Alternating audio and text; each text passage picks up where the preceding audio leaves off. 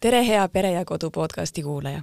mina olen Katariina Libe ja täna on meil natukene eriline ja ainulaadne saade, sest et eh, kuigi ma olen siin saates puudutanud igasuguseid erinevaid probleeme, kuulanud inimeste elulugusid ja muresid, siis me ei ole veel üheski saates rääkinud eh, mõnest teisest kultuurist.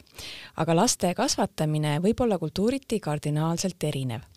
ja täna me sukeldume Jaapani kultuuriruumi ja me uurime, kuidas Jaapanis lapsi kasvatatakse. ja selleks on mulle külla tulnud Maarja Jano. tere, Maarja! tervist! no räägi kõigepealt alustuseks, et kuidas sina üldse oled Jaapaniga seotud? Ehm, ma läksin ülikooli jaapani keelt ja kultuuri õppima, äh, Tallinna Ülikooli ja sealt äh, oli väga loogiline samm minna vahetusaastale Jaapanisse. Äh, ja ja sellel ühel vahetusaastal ma kohtusin oma praeguse abikaasaga. Eh, tulin küll tublisti tagasi Eestisse, lõpetasin kooli, aga siis ma leidsin veel ühe võimaluse Jaapanisse õppima minna, aga seekord ma enam tagasi ei tulnud, abiellusin. ja nüüd ma olen kümme aastat abielus juba. jaapanlasega? jaapanlasega eh, ja teil on ka ju, eks ole, kaks last meil on jah, eh, nemad on kolm ja pool ja üks ja kolm kuud. kas nad on eestlased või jaapanlased? Ma, ma olen vist nii individualist, et ma ei ole mitte kunagi selle peale mõelnud selles mõttes individualist, et, et ma ei, ma ei oska isegi nagu liigitada, et praegu me elame Eestis. mis puutub kodakondsusesse, siis nii Eestis kui Jaapanis tohib olla ainult üks kodakondsus mm., aga alaealised võivad omada kahte. nii et tegelikult nad saavad ise oma elu käigus siis otsustada, et kas nad on Eesti kodanikud või Jaapani kodanikud või eestlased või jaapanlased. aga sinu elukaaslasel on siis Jaapani kodakondsus, jah? just mm. -hmm. mis tööd ta teeb siin? Oi-oi-oi, ta, äh, ta teeb droonipüüdjaid mm. -hmm. see on nagu klišee, et jaapanlane, kes, kes tuleb Eestisse ja tegeleb siin mingisuguse äh, robootikaga jah, jah, tema õppis, tudengid olime, siis tema õppiski robootikat tegelikult, aga ja see oli õudselt klišee, aga üks nagu selline äh, kujutlus, mis eestlasel tihtipeale Jaapanisse minnes on, on see, et see ongi, et noh, poolenisti nad kõik ongi robotid ja, ja see on niisugune futuristlik maailm. tegelikult on vist pigem vastupidi, et kui jaapanlased tulevad Eestisse, siis nad vaatavad, kuidas kõik asjad on automatiseeritud ja kuidas, kuidas äppide kaudu saab oma elu ära elada ja mm. Eesti e-riik on Jaapanis nagu väga suur, suur kõva sõna sa oled siis Jaapanis elanud, aga lastega oled sa siis ainult Eestis elanud, jah? Jah, et mu lapsed on sündinud Eestis äh, ehk et mul äh, selline, kui nüüd rangelt rääkida Jaapani lastekasvatusest, siis mul isiklik kokkupuude on väga väike. Äh, küll aga ma olen olnud, ma olen olnud, siis kui ma teist korda läksin Jaapanisse, siis ma teenisin taskuraha sellega, et ma olin lapsehoidja mm. ja ma olen natukene lähemalt ka lapsekasvatust näinud, aga üleüldiselt eks eks see lapsekasvatus ole selle kultuuri osa ja, ja seal mingid printsiibid, mis on hästi üldiselt need, need, need nagu kehtivad lastele. nii, lähmegi kohe siis sinna juurde, et mis need nii. peamised erinevused on siis Eesti ja Jaapani lastetoa vahel? jällegi, tegelikult ju kerge, kerge, raske küsimus. et ähm,, et hästi palju, mida võrreldakse, võrreldakse mitte Eestit ja Jaapanit, vaid võrreldakse USA-d ja Jaapanit mm. ja, ja selle tõttu need kontrastid, kuna tegemist on tõesti kahe väga erineva kultuuriga, siis need kontrastid tulevad hästi esile. Eesti on seal kahe kultuuri vahepeal äh,. aga, aga, aga mis meil võib olla ka noh, kui tuua üks hästi-hästi konkreetne näide, on see, et, et Jaapani laste puhul hinnatakse mitte niivõrd talenti, Äh, vaid äh, või noh, keegi ei räägi, kui andekad nad on või, või kui kui, kui, kui targad nad on, vaid räägitakse, kui, äh, kui tublid nad on, kui hästi nad tööd teevad. ehk et rõhk on nagu sellele ütleme, kasvõi selles kultuuris on niimoodi, et kui, kui meie ütleme, et noh, et sul on eksam ja et õnn kaasa, siis nemad ütlevad, et mitte õnn kaasa, vaid an, ütlevad, anna endast parim mm. -hmm. ehk et küsimus ei ole õnnes ega talendis, vaid küsimus on selles, kui palju sa vaeva näed mm. -hmm. et see on hästi-hästi tugevalt sees. aga kui palju see toob siis kaasa ka sellist depressiivsust, sest see on ju ka üks selline müüt, mis Jaapani kohta levib, et, et seal on laste seas palju enesetappe ja et, et koolis on hästi suur pinge ja jah, seda, mm, sellest räägitakse palju ja ma tegelikult, ma nüüd äh, eeltööd meie vestluse jaoks tehes ma natukene uurisin numbreid ja siis kui ainult numbreid vaadata, siis paraku hakkavad teised riigid Jaapanile ilusti järele jõudma ja, ja see ei ole isegi niivõrd selge või et mis on nagu Jaapani eripära, et Jaapani lapsed just masenduses on, aga eks koolikiusamist ole. et Jaapan on hästi ähm, mis on monogeenne äh, kultuur, et ühesõnaga kõik on äh, hästi palju asju tehakse hästi sarnaselt ja hästi palju inimesi on hästi ühesugused. see tähendab, et kõik, mis sellest nagu normist välja loksub, seda pannakse väga teravalt tähele. et, et võib-olla see on üks põhjus, mis, mis, mis lastele masendust või, või mis noh, koolikiusu võib põhjustada hästi kergesti. teine asi on see teekond, kuhu meie ka järjest lähme, aga kus jaapanlased on juba nii palju edasi jõudnud ja see teekond on see, et ähm, lapsed käivad koolis ja pärast, kui kool saab äh, läbi pärastlõunal, siis nad lähevad huviringidesse või siis nad lähevad sellesse nii-öelda tuupimiskooli, jaapani keeles tšuku, et siis nad tuubivad seal veel edasi, kui su huvi on veel matemaatikat ja ma ei tea, mida õppida ja siis nad tulevad õhtul kell kaheksa või ma ei tea, millal koju ja hakkavad kodutöid tegema ja siis lähevad hommikul jälle kooli ja niimoodi kuus-seitse päeva nädalas. ehk et äh, igal inimesel, ma arvan, kui ei ole nagu aega lakke vahtida niisama, et siis ma-, masendus on kerge tulema. kas neil on kool siis rohkem kui viis päeva nädalas? Eh, neil on kool ikka viis päeva, aga, aga see nii-öelda see lisa, lisakool, kus, kus paljud, kes tahavad, et nende lapsed ikkagist ähm, headesse ülikoolidesse või järgnevatesse kooliastmetesse saaksid, et nemad panevad lapsed sellesse lisakooli ja see võib olla küll õhtuti, nädalavahetuseti. lisaks on Jaapanis äh, hästi palju äh, sellist klubitegevust nagu, et lastel on lisaks sellele, et neil on kool, on neid koolis on ka mingi klubi, see võib olla mingi võitluskunstiklubi või mingi kunsti või teatri või mis iganes klubi, aga see võtab nagu kogu selle ülejäänud vaba aja ja läheb ka nädalavahetustesse sisse ja ja seal tekib just niisugune nagu grupi identiteet ja kogukond ja, ja sealt nagu, et kui me räägime, kuidas nii-öelda kooliealisi lapsi kasvatatakse või kuidas kuidas nende nagu väärtused kujunevad, siis see on hästi palju seotud just selle kogukonna ja grupiga, mis koolis tekib ja, ja sellega, kuidas selles grupis nagu olla, mitte teistele jalgu jääda ja kuidas äh, saada hästi läbi, see grupi harmoonia on hästi oluline mm. -hmm. no ikkagi koolipsühholoogid ütlevad ju noh, üldse psühholoogid, et laps peab saama olla laps, et ta ei pea noh, terve päev õppima ja siis on huviring ja kodutööd, et et see on päris kurb ju, kui see neil ära jääb. just, ja ma lihtsalt, ma mäletan, kui ma nüüd läksin, millal, kaks tuhat seitse ma läksin Jaapanisse, see on ju üle kümne aasta tagasi kõvasti. ja siis võis veel rääkida sellest kontrastist, et vot Jaapanis on nii hirmus lugu ja Eestis on küll nii palju parem, aga meie ikka tüürime ka selles suunas, et me tahame ikka lapsel kogu aja ära sisustada, et ta annet ikka arendada kõikides võimalikes ringides. et ähm, üks niisugune värvikas näide äh, lapse hoidmise ajast oli see, et ähm, seal oli, minu meelest oli nelja-aastane, nelja-viieaastane poiss ähm,. ja ta käis, ta käis jalgpallis, korvpallis, moderntantsus, näiteringis, joonistamisringis, laulu, kooris ja so soololaulutunnis ja kindlasti veel kusagil, ma täpselt ei mäleta. seda on väga palju eks ole, et see on üks ekstreem, Jaapanis ei ole normaalsus, see oli üks väga niisugune värvikas, värvikas perekond. aga noh. aga kuidas see poiss seda ise võttis? Ähm, ta, ta oli väga selline, mõjus selliselt väga nagu ära ta tahtis tähelepanu, tahtis jonnida ja mm., ja nii edasi, noh, ma arvan, et tal oli väga vähe ruumi päevas jonnimiseks ja tähelepanuks mm. -hmm. et ta kodus pidi veel harjutama neid moderntantsu mingeid samme ja mm. -hmm. vot ma ei kujuta ette, kuidas minu nelja-aastane laps kodus harjutaks mingeid moderntantsu samme. no vot, võib-olla ta oli viieaastane, ta oli nii palju küpsemad jah, aga sa rääkisid sellest, et, et nad peavad nagu lisakoolides käima selleks, et järgmisesse kooliastmesse saada. Kas siis muidu ei saa sisse ähm,?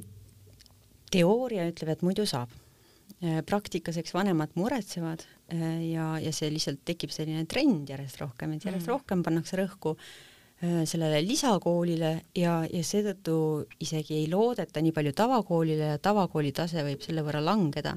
ja siis tekibki see vajadus, et kui sa normaalselt üldse õppida tahad, siis sa peadki minema lisakooli, sest tavakool ei ole ju, ei ole ju midagi. Et, et see on ääretult tulus, tulus äri on pidada neid lisakoole, muidugi need on era, era sellised ettevõtted. Ja, ja, ja Jaapanis ikkagi see suund on, kooliharidus on kõik hästi nagu eksamitele suunatud ja testidele ja eksamitele suunatud ja et kui sa saad heasse algkooli, sa saad heasse põhikooli ja kui sa saad heasse põhikooli, siis sa saad heasse keskkooli ja heasse keskkooli, kui sa lõpetad hea keskkooli, sa saad heasse ülikooli. Ja see, millisesse ülikooli sa saad, see määrab su tulevikku. Mm.. ehk et öö, väga palju on, noh, ikkagist on hästi konkreetselt teada, mis on Jaapani parimad ülikoolid, kui sa sinna sisse saad, siis sa ei pea enam muretsema. Ja seetõttu kogu su lapsepõlv noh, hullemal juhul võib olla nagu ettevalmistus ülikooli eksamiteks sisuliselt mm -hmm. nagu mõtteliselt mm. -hmm. ja siis, kui sa lõpetad selle ära ja saad aru, et see pole üldse see, mida sa teha tahad, siis on väga halvasti väga halvasti. lisaks äh, naljakas on see, et Jaapani ülikoolis läheb asi lihtsaks. ehk et kui ülikooli on sisse saadud siis on järsku niimoodi, on pidu okay.. et, ähm, et äh, see ülikooli lõpetada on äh, nagu suhteliselt lihtne. noh, võrdlemisi, et meil on tõenäoliselt meil on niimoodi, on ju, et ülikooli sisse saada on päris lihtne, aga ülikooli lõpetada on küllaltki raske. Jaapanis on vastupidi, et raske sisse saada ja suht lihtne lõpetada. kas nad kirjutavad bakalaureusetöid samamoodi nagu meie? vot see on erialati erinev, et, et ma arvan, et äh, on, on ka seda ja, ja neil on veel nelja-aastane äh, bakalaureus, sellepärast et nad tegelikult, nad lähevad kuueaastaselt kooli mm.. et mis hüppame haridussüsteemi ringi, aga tegelikult on niimoodi, et Jaapani ähm,, Jaapani kool algab äh,, äh, kooliaasta algab esimesest aprillist. ah soo? jah, ja esimesest aprillist ja siis kuni märtsi lõpuni, et märts on tavaliselt vaheaeg, siis on suvel on mingi vaheaeg, talvel jõulude paiku on vaheaeg. aga et äh, hakkab esimesest aprillist ja esimesel aprillil lähevad kooli kõik lapsed, kes sellest esimesest aprillist kuni järgmise aprilli, kuni järgmise märtsi lõpuni saavad seitsmeaastaseks mm. -hmm ja sellist asja ei ole, et oi, et minu laps vist ei ole veel kooliküps, et ma lasen tal aasta oodata, et sellist asja üldse ei ole, et, et see on hästi nagu vanuseliselt määratud.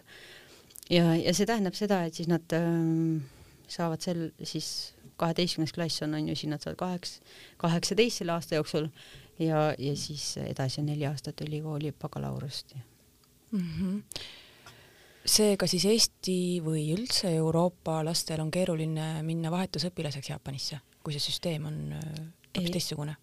jah äh,, ülikoolis on nii ja naa äh,, põhikoolis, keskkoolis on jah, võib-olla väga veider, kui vanus on teine näiteks, sest mm -hmm. et äh, see on nii jälle ühtemoodi kõigil, et, et, et ähm, äh, on isegi noh, ammusest ajast on mingisuguseid siukseid suuri skandaalseid juhtumeid, kus üks laps oli mingi aasta vanem ja lõpetas siis või õpetas aasta nooremana, lõpetas põhikooli ja mis siis kõik sai?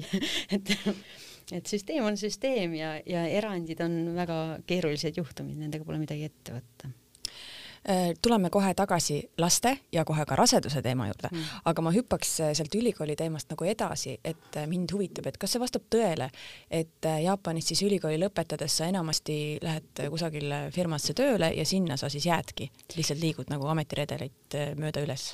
jah, nüüd on niimoodi, et nüüd on majandusolukord natuke teine ja on niisugused uued tendentsid, et võimalik, et inimesed tulevad firmast ära oh, ja vahetavad töökohta, vahetavad töökohta elu jooksul. Aga ütleme, see traditsiooniline, see, kuidas veel ütleme, meie vanemate põlvkond ähm, äh, hakkama sai, oli see, et jah, et lõpetasid, mis see kahekümne kahe aastasena kahekümne kolme aastasena ülikooli. Ja siis toimusid täpselt samamoodi nagu keskkooli, põhikooli või ülikooli toimusid samuti sisseastumiskatsed grupi kaupa firmasse, suurkorporatsioonidesse peamiselt ja see oli ja, ja sealt said töö, sa astud sellesse firmasse teadmata, kelleks sa hakkad.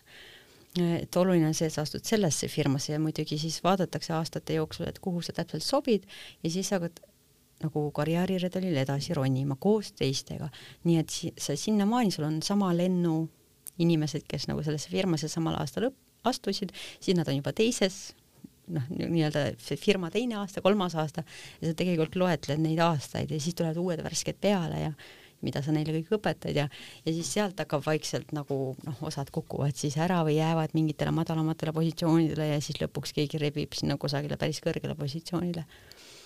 aga see oli sellest, see toimis hästi selles ajas, kui kõik oli stabiilne, Jaapani, Jaapani majandus õitses meeletult ja, ja kui nii-öelda, kui mehed said nii palju palka, et nad võisid äh, kogu perekonna nagu ühest palgast ära elatada ja siis noh, selles nii-öelda traditsioonilises mudelis siis naine on koduperenaine äh, ja mees on äh, kõik päevad ja poole tööd on tööl, aga, aga äh, sissetulek on piisav. et nüüd on uues majanduses on see probleem, et vahel lihtsalt sissetulekust ei piisa ja naine peab töötama selle jaoks, et, et raha oleks kas see siis tänapäeval ikkagi on pigem nagu harv, et, et ema töötab ähm,?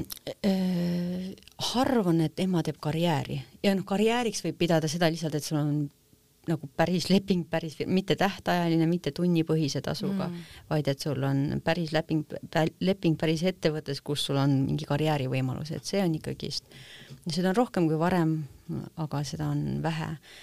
rohkem on seda, et, et emad lähevad siis, kui lapsed on mingis mingis enam-vähem iseseisvas vanuses, no kolmeselt lähevad las-, lasteaeda näiteks, et siis emad lähevad osaajaga tööle või lähevad just nimelt noh, poemüüjaks või sellisesse kohta, kus, kus tead, et sul on mingisugune vahetus, mingid tunnid, siis sa tuled koju, saad tegeleda koduste asjadega. aga kas see siis kandub sinna haridusse ka edasi, et, et poisse on siis vaja ju rohkem ette valmistada eluks, et kui naiste elu tegelikult kulgeb kodus lastega jah, ma kogu aeg tahan rõhutada seda, et noh, et see on see traditsioon ja siis on see, mis on hakanud vaikselt muutuma mm. -hmm. et noh, tegelikult kuni naised saavad lapsed, seni nad on ju meestega enam-vähem võrdsed, vähemalt kirjade järgi. kui nad saavad ähm, lapsed, siis nad tihtipeale jäävad koju päris pikaks ajaks ja võib isegi olla nii, et firmal on mingi selline lapsepoliitika või perepoliitika, et lapsed, et, et emad saavad olla kodus ja tulla mingi aja pärast tagasi aga nüüd on küsimus, kui nad sinna firmasse tagasi lähevad, mis tööd nad teevad, nad ei ole enam sellel samal karjääriredelil, vaid pigem need, nad pannakse mingisse noh, sekretäri või mingisse sellisesse rolli, et, et mm, äh, et see on nagu jah, see on probleemi koht täitsa Jaapanis.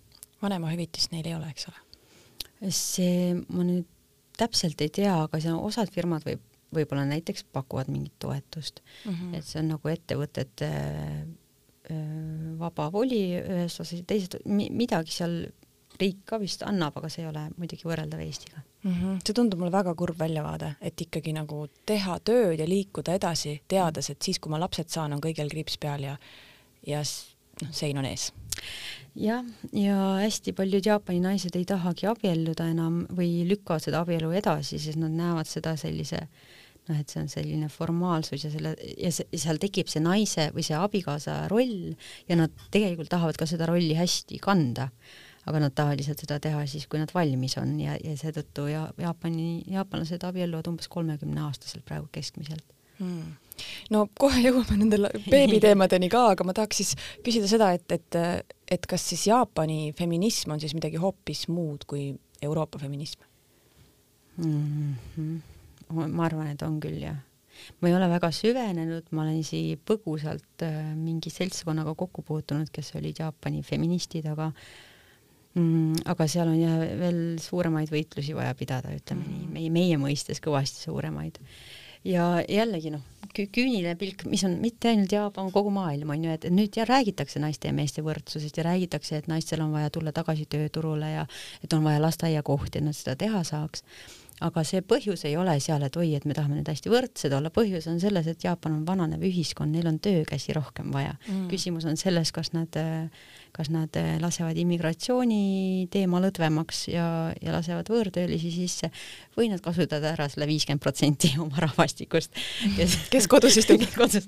jälle see on noh, utreeritud onju mm, -hmm. aga, aga tegelikult nii on ja need püüavad ikka vist, et noh, et äkki võtaks ikka naised kodust tööle, aga, aga ega see ei ole ka lihtne ju, on vaja reaalselt lasteaiakohti ja reaalselt võimalusi ja nii edasi mm. -hmm. nii et neid lasteaiakohti siis napib jah ähm,? Jah, vist on natukene vähe, et ikkagist hästi palju koduperenaisi oli vähemalt hiljuti veel ja, ja, ja see on hästi suur, tulles selle väikeste laste kasvatamise juurde, et siis see on ikkagist laps ja ema esimesed umbes viis aastat käivad ikka täitsa kokku Jaapani kultuuris mm. -hmm no kohe-kohe me jõuame beebiteemadeni, aga ma küsin veel nüüd rahutuse kohta, et äh, kui sellisel juhul, kui naine sõltub nii, niivõrd palju majanduslikult oma mehest, abikaasast, laste isast, siis lahutus vist ei saa üldse kõne alla tulla. lahutus on tabuteema jah, ja lahutatakse väga vähe. Jälle aasta-aastalt rohkem. Ja nüüd on põnev tendents on tekkinud, et on hakatud pensionieas lahutama. Mm.. sellepärast, et noh, mis viga on koos elada, kui üksteist ei näe kolmkümmend viis aastat. Aga, aga siis järsku noh, lapsed on suured ja järsku mees istub laua taga ja loeb lehte, ära ei lähe et, ähm, et, et mingi selline pensioniealiste lahutuste tendents on hakanud tekkima, aga aga see võrreldes varasemaga on seda palju, aga kui vaadata jälle tervik, mingeid suuri protsente, siis lahutused on ikkagist väga harvad. ja üksikema on siis täiesti selline ükssarvik seal? ükssarvik, täielik ükssarvik ja kuskilt vilksamisi lugesin, et, et pooled üksikemad on nagu, elavad alla vaesuse piiri ja et äh, Jaapanis on see abielus olemine meeletult äh, soodustatud ja mitte mingitel religioossetel põhjustel Äh, vaid ühiskond kuidagi õudselt õnn-, on ühis-, on, on õnnestunud tekitada olukord, kus lihtsalt tasub olla abielus. näiteks igasugused maksusoodustused, seesama, seesama situatsioon, kus mees teeb tööd, aga naine näiteks teeb ainult osaajaga vähe tööd, et siis, kui nad on abielus, siis naine näiteks saab mingit maksusoodustust, et ta ei pea nii palju makse maksma sest et neil on kahekesi sissetulek ja temal on väiksem, no ühesõnaga, et näiteks maksudega on reguleeritud seda, et ei tasu niisama koos elada, vaid tasub pigem mm. olla ametlikult abielus. no ma kujutan ette, et see viib selleni, et inimestel on ühel hetkel paanika, kui nad on kolmkümmend ja nad ei ole kedagi kohanud. Neid on ka jah, aga nüüd on jälle põnev tendents on see, et Jaapani noored ei taha abielluda või kes ka tahavad, nad ei leia endale kaaslast olen numbrite meeldejätmises õudselt, õudselt kehv, aga, aga mingi meeletu protsent selliseid kolmekümne aastaseid või kahekümne viie aastaseid pole näiteks mitte kunagi käinud kellegagi või noh, on mingid lähimad kokkupuudet vastassugupoolega. ja isegi kui nad tahaks, siis on, siis, siis neil ei ole seda juhust ja nii on, et see on ka veel üks probleem mm. -hmm nii, aga nüüd tuleme nende beebiteemade juurde tagasi, millest ma tahtsin rääkida. et äh, mind huvitavad Jaapani traditsioonid, et Eestis näiteks vanad eestlased panid äh, punase lõnga rasedana endale kõhu ümber, et see kaitses siis seda kõhubeebit. kas Jaapanis on ka mingeid siukseid ebauske seoses raseduse või sünnitusega ähm,? Äh, on, tähendab, on mingisuguseid selliseid rituaale, mis on seotud laiemalt mida nad niikuinii teeks, on see, et nad on, noh, Jaapanis on budism ja šinto, kaks äh, usundit ja šintoism, mis on Jaapani oma usk, on, selle rituaalid on seotud nagu eluga ja, ja budismi rituaalid on seotud surmaga. ehk et ja, ja kõik nagu rõõmsad sündmused, mis elus toimuvad või mida, kus sa midagi loodad, sa lähed Shinto pühamusse ja paned käed kokku ja võib-olla ostad sealt mingisuguse sellise kaitsva mingi amuleti või sellise asja.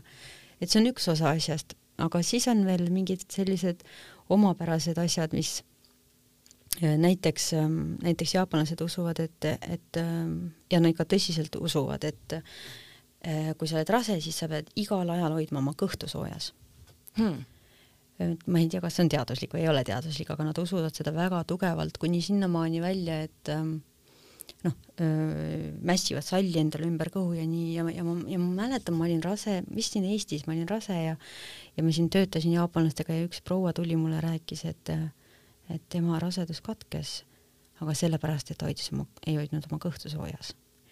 ehk et see on mm. nagu väga-väga-väga tugev selline teema mm. -hmm. ja teine koht, mis peab soojas olema, on, mis käel on randme, tagajalal on pahkluud. pahkluud, pahkluud tuleb ka soojas hoida kõht ja pahkluud tuleb soojas mm,. just rasedana on ka pahkluud, jah? just, jah.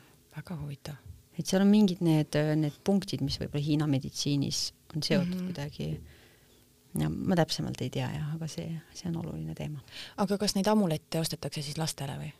amulette ostetakse, aga see on nagu üks kõikidest teistest amulettidest, mida võib osta, noh mm., võib osta ka oma, ma ei tea, liiklusamuleti või, või eksami hästi läbimise amuleti või noh, et neid on nagu meeletul hulgal ja seal on kindlasti sellise turvalise lapse sünni või terve lapse sünni amulett on olemas näiteks mm.. Mm -hmm. kuivõrd nagu praegu siis need noored naised usuvad sellesse?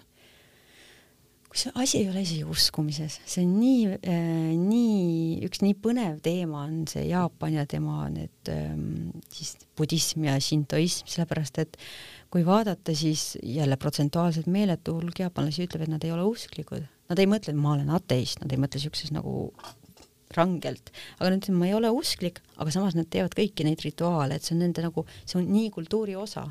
ehk et muidugi ma lähen või noh muidugi Jumalat ei ole olemas, aga muidugi ma lähen ostan endale amuleti, kuidas siis ei osta. või et, või et äh, jah, ma ei oska seda täpsemalt seletada, aga, aga, aga küsimus ei ole uskumuses, küsimus on rituaalis. no eestlastel on ka ikka roosa kvarts on kaelas ja mm. ja jõuludel minnakse kirikusse ja. no just, et nii nagu meil võib-olla jõuludel minnakse kirikusse igaks juhuks mine sa tea. Et siis jaapanlased teevad neid mine sa tea tegevusi või, või noh, okei okay,, see jälle irooniaga onju, aga et teevad teevad rohkem ja aasta ringi ja need on siuksed sümpaatsed väiksed rituaalid, näiteks noh, seesama Shinto pühamu või budistlik tempel, ta ei ole noh, meie võib-olla mõtleme, kas me julgeme kirikusse jala tõsta. See on niisugune suletud tihtipeale ja külm koht, aga Jaapanis on see Shinto templi või Shinto pühamu ümber või budistliku templi ümber on kena aiake ja sinna võib näiteks teidile minna vabalt oma mm. tüdruksõbra või poissõbraga. et mm, -hmm. et see on nagu niivõrd loomulik osa linnaruumist või sellest, kus, kus käiakse mm. kirikusse teidile minna oleks veidi veider, eks ole selline, selline erinevus jah, aga rääkides nagu sünnituse sellest meditsiinilisest poolest, et kas seal on midagi teistsugust, et näiteks Eestis ei tehta keisrilõikeid, tehakse ainult äh, meditsiinilise nagu näidustusega, aga on riike, kus seda tehakse väga lihtsalt, kuidas Jaapanis on?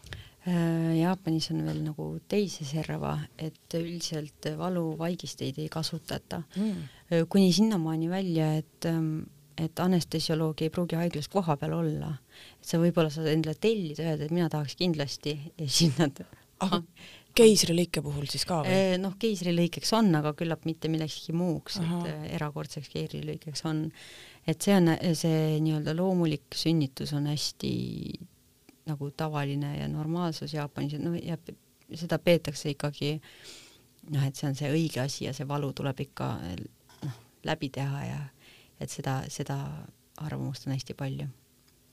Hmm.. nojah, kuidas lapse sündi tähistatakse ähm,? Jaapanis, noh, üks asi on jälle need rituaalid, Shinto pühamused, esimene pühamukülastus on tähtis. teine asi, see nüüd ei ole tähistamine, aga hästi palju, noh, kuidas see asi korraldatud on, hästi tihti Äh, läheb naine äh, lapse sünni järel kuuks-paariks oma ema, oma vanemate koju mm. -hmm. ja mhm. mees jääb üksinda kuhu iganes. Ähm, ja minu jaoks oli see nagu meeletult võõras mõte, mis mõttes, et me saame oma mehega lapse ja siis ma lähen oma ema juurde ja mees ei, esimesed kaks kuud ei puutu oma lapsega kokku aga võib-olla kui see mees peab seal tööd tegema hommikust õhtuni ja, ja selle asemel, et üksinda võib-olla hulluks minna. teine asi, et esimesed vist kuu aega jaapanlased ei leia, et lapsed noh, väike, väike beebi peaks üldse õues käima mm. -hmm. ja seetõttu noh, kui sa oled üksinda lapsega ja sul on ikka vaja poodi minna ja nii edasi, siis on hea, kui sa lähed oma vanemate koju ja su ema aitab näiteks mm. -hmm. aga kui vanemaid ei ole? no siis saadakse kuidagi hakkama, et äh, küllap siis saadakse hakkama, aga, aga see, see trend on või noh, see komme, et, et et pärast lapse sündi minnakse hoopis oma vanemate koju, see on väga tugev, ma olen mitu korda kuulnud oma tuttavate seas ka seda. nii et isadel siis ikkagi on see lastega see side natuke nõrgem või? Noh, selle võrra tundub jah, aga samas ma mäletan jälle kaks tuhat seitse, kui ma läksin Jaapanisse, siis mis mind võlus, oli see, kui ma nädalavahetusel ringi käisin ja vaatasin, et kõik lapsed olid koos oma isadega, et isad olid nagu sada protsenti kohal, mängisid nendega ja käisid igal pool ja et, et siis mulle noh, sel hetkel tundus hoopis niipidi ilus, et selle asemel, et kogu aeg nagu jälle võimendades, et selle asemel, et istuda diivanil ja lörpida õlut ja sõimata selle asemel, okei okay,, sind ei ole viis päeva nädalas üldse pildil, aga kuuendal ja seitsmendal võib-olla, võib-olla oled siis sada protsenti kohal mm. -hmm kas selliseid juhuseid on ka Jaapanis juhtunud, et, et isa jääb lastega ja naine läheb tööle? ei usu. ei ole välistatud no,? ma arvan, et on umbes neli inimest Jaapanis kes on seda teinud. aga kui palju vanavanemad, noh, sa mainisid seda, et alguses ollakse paar nädalat vanavanemate juures, aga kui palju nad nagu hiljem osalevad laste elus? See kogukonnatunne on Jaapanis õudselt tähtis ja see tugi on ka väga-väga suur. nüüd, mis võib probleemiks olla, on lihtsalt distants, et, et Jaapan on ikkagist ülevalt alla väga pikk ja võib juhtuda, et vanemad ja lapsed elavad üksteisest väga eemal. Või noh, vane, vanavanemad ja lapselapsed.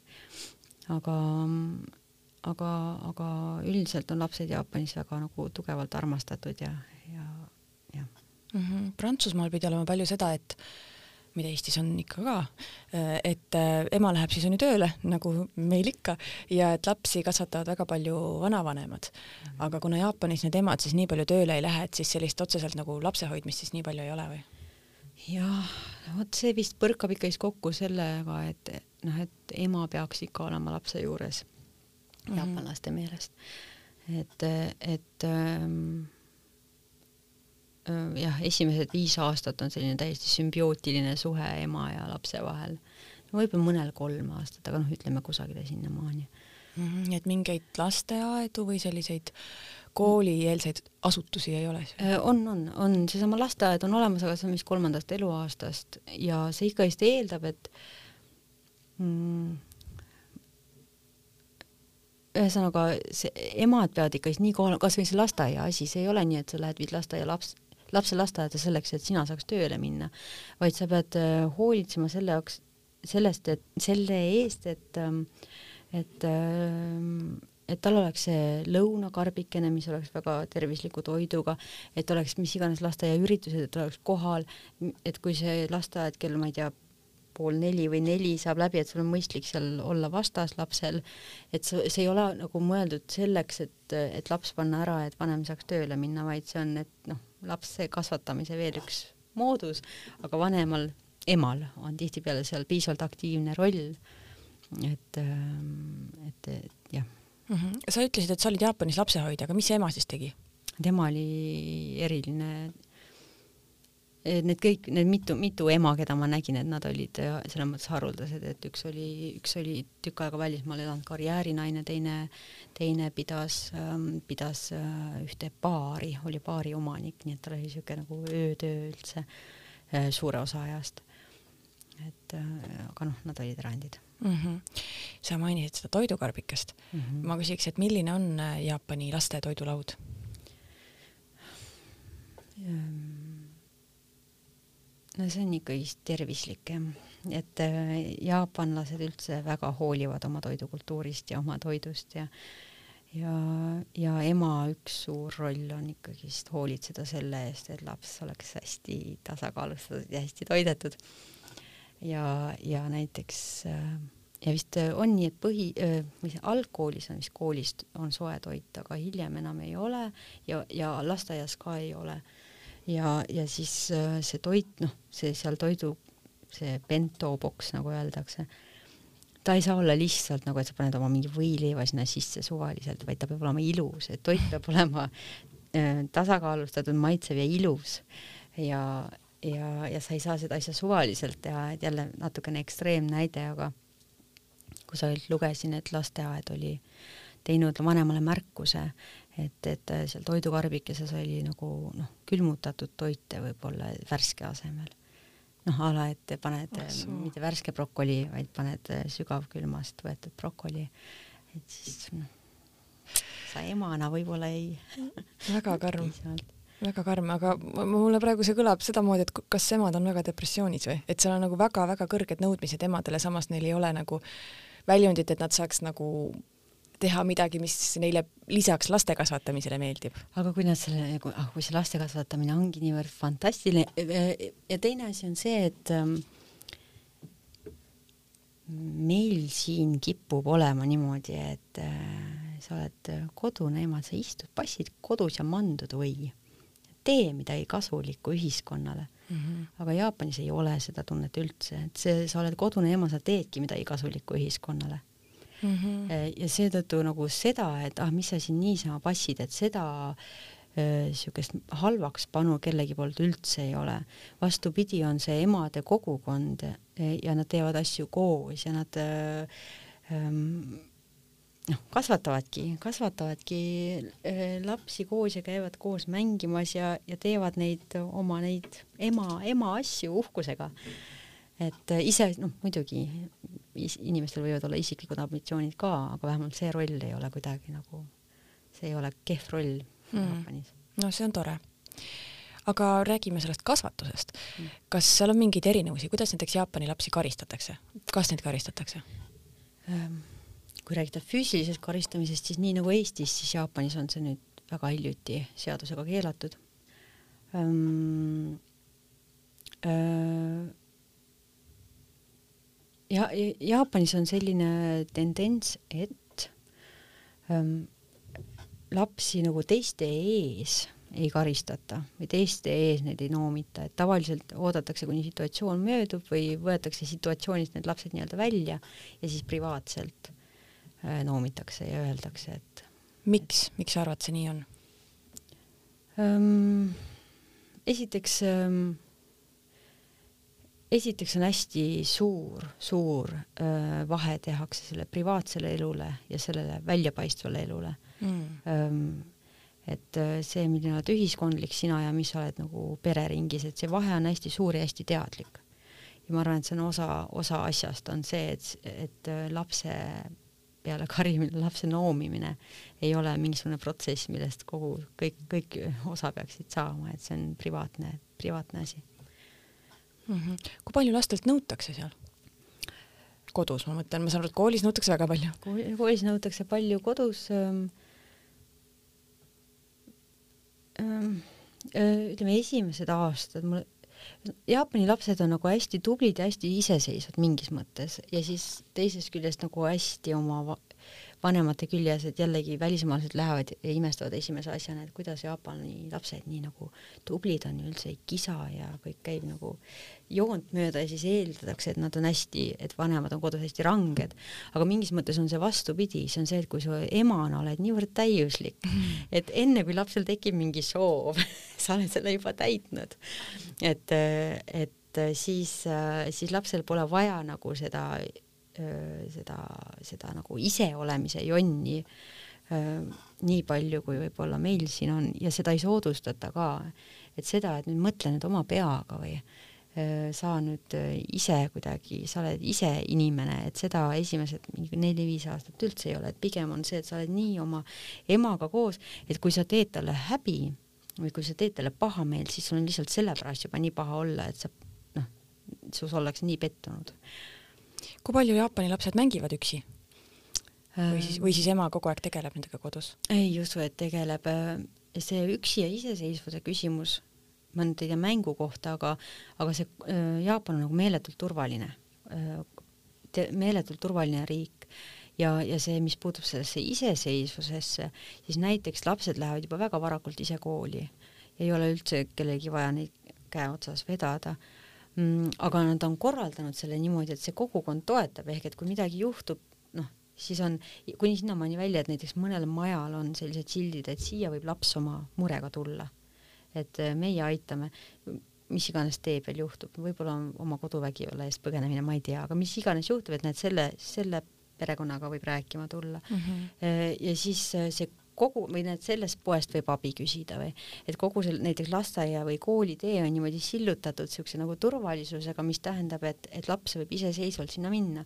Või see, et koolist hakata minema alati koos sõbraga, kes elab ka lähedal või sõbra nagu sõprade kambaga ja siis vaikselt niimoodi jõutakse, kus igaüks pöörab oma tänavasse ära, aga kuni peaaegu lõpuni minnakse kambaga et, et aga samas täiskasvanud sinna kõrvale ei ole vaja, lapsed saavad ilusti ise hakkama. Hmm.. et selles mõttes on iseseisvust, ise, iseseisvust nagu ise hakkama saamise mõttes on hästi palju. Hmm.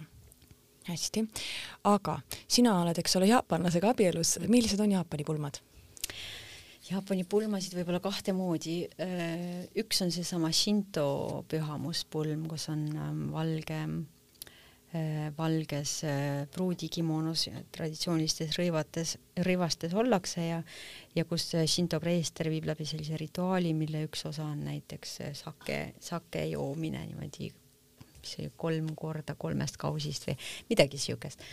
Mm, et see on üks variant, aga hästi paljud jaapanlased eelistavad praegu siukest lääne stiilis pulma, mis on nagu Ameerika filmis Äh, see on, see on, äh, see võib olla, noh, Jaapanis kristlasi reaalselt on, ma ei tea, üks protsent või kaks protsenti, aga, aga niisuguses kristliku stiilis pulmahooneid, mis näevad esmapilgul välja nagu kirikud, aga tegelikult on ainult pulmadeks mõeldud.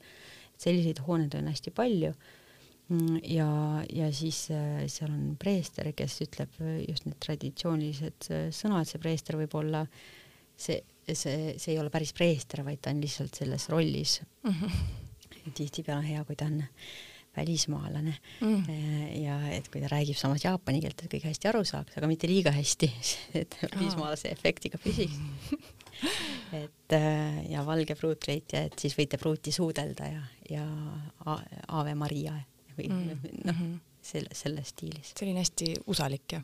selline jah, ja, ja, ja, ja rist on seal keset, keset seda kabelit ja, ja võib-olla väiksed Cupido inglikesed mm -hmm. kõrval ja kuigi ei olda kristlik, kristlased jah? jah, jah. ja siis pärast on tavaliselt kaks pidu, üks on sellises äh, pereringis äh, või sugulaste ringis sihuke pidulik söömaaeg ja siis võib-olla õhtul on veel nagu sihuke teine pidu, mis on siis laiema seltskonnaga kus on võib-olla nii-öelda Rootsi laua stiilis ja ma ei tea, mängud ja kõned. nii et selliseid ähm, erinevusi või, või väljaastujaid siis Jaapani kultuuris ei ole, et kui sa soovid abielluda niimoodi kahekesi, näiteks ära registreerida ja siis kahekesi kodus kooki süüa, et siis sellist varianti ei ole? Äh, tegelikult on, et tegelikult oluline on ikkagist, et sa pead oma paberid viima ähm, kohalikku linnaosavalitsusse ja allkirjad on, või mitte allkirjad, Jaapanis antakse tempel mm. et pane oma templid paberile, et siis sa tegelikult oled abielus ja, ja noh, see pulmaasi on ju midagi, mis on väga kallist, noh, mis maksab väga palju ja, ja, ja see ei ole tegelikult kohustuslik osa, eriti kui sa ei taha raha kulutada mm. -hmm. kas seda tehakse ka nagu Eestis, et kõigepealt registreeritakse ära ja siis võib-olla aasta hiljem on nagu pulmad? seda ma olen ka kuulnud, et on jah, jah, et äh, need kaks, kaks sellist eraldi, sest et äh, ko, ähm, kui jaapanlased kokku kolivad, siis tavaliselt nende vanemad vihjavad, et, et siis võiks vähemalt ära registreerida mm. -hmm et, et ei elaks niisama koos mm. -hmm. aga räägime lõpetuseks veel natukene Jaapani kultuurist, et et kas need märksõnad, mida kõik kindlasti Jaapaniga seoses teavad, et isoleeritus ja üksindus ja ja emotsioone ei näidata välja ja kas see, kas see vastab ka tõele? ja viisakus ka? viisakus vastab väga tõele ja emotsioonide jah, eh, nagu ma enne mainisin, et hästi-hästi tähtis on see, et mis on see privaatsfäär ja mis on see avalik sfäär ja selles avalikus sfääris osatakse väga hästi käituda. ja need ähm, jaapani keel äh, kubiseb sellisest viisakusväljenditest. nii et tulles nagu laste, laste, laste juurde tagasi, siis ähm,, siis ähm, lihtsalt need rituaalid, mis on meil, meie ütleme näiteks lahkumisel ütleme nägemist ütleme omavahel nägemist ja kui meil on laps, siis ütleme noh, tšau. ja see laps võib-olla paneb tähele, võib-olla ei pane tähele, võib-olla ütleb tšau tagasi, võib-olla ei ütle tšau ja siis me läheme minema aga Jaapanis on nii, et noh, et ema, isa, emad-isad ja siis need lapsed kahele poole ütlevad nägemist! ja siis kummardavad, ütlevad nägemist, aitäh! ja siis kummardavad. Ja siis kõik lähevad nii elevile sellest, kõik naeratavad ja kummardavad veel, ütlevad veel nägemist! ja aitäh! ja nägemist! ja kuni see üks seltskond siis lahkub nurga taha. enne sa ei pane oma koduust kinni üldse. Et ehk et kui räägida, miks jaapanlased nii viisakad on et, et siis või miks lapsed nii viisakad on see, et et seal ei ole siukseid nagu suvalisi, need, mis meil on nagu suvaliselt või noh, et me ei ole otseselt ebaviisakad, aga me teeme selle asja nagu enam-vähem ära, siis nende jaoks on see nagu siuke pikk rituaal, mis tegelikult rõõmustab kõiki osapooli et mm, -hmm. et, ähm, et selles osas see Jaapanit nimetatakse grupiühiskonnaks, et see, see harmoonia inimeste vahel, see on nagu meeletult oluline või see, et tekitada Äh, olukord, kus teine tunneb ennast hästi ja, ja seda hästi erinevatel viisidel on nagu Jaapanis suudetud. see on väga ilus ju, aga räägitakse palju sellest üksindusest. üksindus, ähm, ma kahtlustan, et see on see suurlinna üksindus mm.. et ähm, seda on ka teistes suurlinnades. jah, et ma ei, ma ei tea, aga jah, ma arvan, et see on suurlinna üksindus, et ma ise seda ka tajunud, et selles mõttes on hea elada väikses Eestis, kus mm, -hmm. kus, kus sa tunned, et sa oled tähtsam. Jaapanis on selline mm, väljend, eks ole, nagu hikikomori. jah, jah. ja see on siis inimene, kes on siis oma toas olnud võib-olla päevi, kuid, aastaid ja, ja istub, äh, mängib arvutimänge. et see on ikkagi selline Jaapani spetsiifiline äh, termin, et seda mujal ja. väga ju nii palju ei esine sellest on ka, ma ei tea, mis teadustöid kirjutatud, et miks see on Jaapani spetsiifiline, sellepärast et olukordi, kus inimesel on masendus, ta ei taha kodust välja tulla, neid on ju igal pool, et see peaks mm -hmm. olema universaalne. aga räägitakse sellest, et Jaapani spetsiifika on see, et teised lasevad sellel inimesel mm -hmm. kodus püsida mm. -hmm. ehk et on näiteks äh, täiskasvanud äh, lapsi, vist tihtipeale ikka poe, pojad, et täiskasvanud poegi, kellele ema toob kandikuga toitu ukse taha äh, iga päev et selle asemel noh, jällegi see situatsioon, et noh, et kui, kui mitu päeva sa laseks oma pojal mm -hmm. olla ilma, et sa ukse maha lõhuks. aga mi-, miks psühholoogi juurde ei minda, et see oleks ju nagu Ois, esimene mõte? see on, see on veel endiselt tabuteema Jaapanis, ma arvan.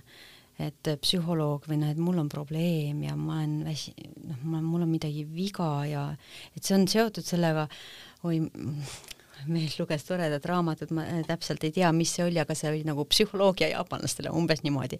ja ta ütles, et kuidas, seal oli kirjeldatud, et kuidas on kõige parem viis paluda või saada puhkust. ühesõnaga, kui sa tunned, et sa oled täiesti läbi põlenud, sa oled töötanud kolmsada kuuskümmend viis päeva nädalas, aga sa ei saa minna ja öelda, et mul on vaja puhkepäevi. niimoodi sa teed seda, sa lähed Äh, mingi töökaaslane, sa ei lähe bossi juurde, sa lähed töökaaslase juurde, ütled, et tead, ma olen, tead, ma olen nii väsinud, kas sa räägiksid bossiga mm.? ja siis see töökaaslane ütleb, et kuule, see, see tüüp, ta on nii väsinud, kas ta saaks puhkust? ja siis boss äh, ütleb, noh, hästi. ja, ja mida, ja mis erinevus seal on iseütlemisel, kui sa ise lähed ütlema, sa oled looder mm. -hmm mis sa ei saa siis hakkama, sa tahad teisi alt vedada või? et teised saavad küll hakkama, aga kui kõrvalt keegi ütleb, et kuule, tema on väsinud, siis sellel on nagu rohkem kaalu, esiteks, ja teiseks äh, see, et boss ütleb noh, hästi siis, et see näitab nagu kogu seltskonnale, et näed, boss ütles hästi, ta ise, kui sa oleks ise oma peaga noh, lihtsalt jätnud tulemata ja teistele selle võrra rohkem tööd andnud, aga kui boss ütleb, et võib, no siis võib ja see on lihtsalt, kuidas küsida puhkust. et rääkimata mingist noh, et et oi, et mul on, ma olen kurb või no siis me saime nüüd vastuse küsimusele, miks seal enesetappude arv nii kõrge on ehm,. ja võib-olla jah. jah, et kui sa oma probleemidega ei tegele ja abi ei otsi, siis noh, lõpuks ja. ei olegi enam mingit väljapääsu. jah, et hästi palju on seda, et äh, ole tubli teiste heaks mm. -hmm. aga kas see on natuke muutuma hakanud ka või kas, sest Eestis on nagu väga võimsalt käib see vaimse tervise teemade avamine ka siin meie majas mm. on äh, vaimse tervise podcast näiteks olemas ja et Eestis ikkagi peaasi.ee tegutseb ja et kas Jaapanis ka mingeid samme astutakse selles suunas? Noh, võrreldes varasemaga astutakse, et see on noh, natuke valdkond, millest ma palju ei tea, aga ma tean, et võrreldes varasemaga astutakse küll, aga see on noh, just nii väga Jaapani kultuuri spetsiifilisel viisil, et mm, -hmm. et see ei saa võtta näiteks mingit Eesti süsteemi ja panna selle Jaapanisse ja loota, et see toimib, kohe kindlasti ei toimi mm. -hmm. küsin sult täiesti viimase küsimusena nüüd, et, et mida tasuks Jaapanisse kolides silmas pidada? kuidas seal nagu kergemini adapteeruda? mm. -hmm. Ähm, ähm, keele õppimine aitab esiteks, sest et keel on nii suur võti. Need kõik asjad, mis tunduvad, ah, miks nad Jaapanis niimoodi teevad, et hästi palju küsimusi saab nagu keele kaudu selgeks mm.. Ähm, aga mitte ainult seda, et algul tasub äh, nagu hoida suu kinni ja silmad ja kõrvad lahti, et vaadata lihtsalt, kuidas nad asju teevad ja, ja teha, teha äh, järele. Et ähm, äh, ma nii mitu välismaalast, kellega ma olen Jaapanis nagu noh, muljetanud Jaapani elust, nad nõustuvad sellega, et kõigepealt õpi nende reeglid ära ja siis hakka neid valikuliselt eirama mm et äh, ja, ja sest kui sa oled välismaalane, sa saad eirata vabandusega, et sa oled välismaalane mm.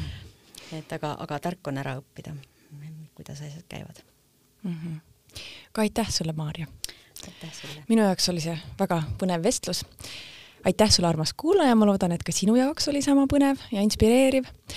ja meie saateid saab ikka kuulata Spotify's, iTunesis, SoundCloudis ja teistes suuremates podcastide rakendustes ja kohtume siis jälle järgmisel nädalal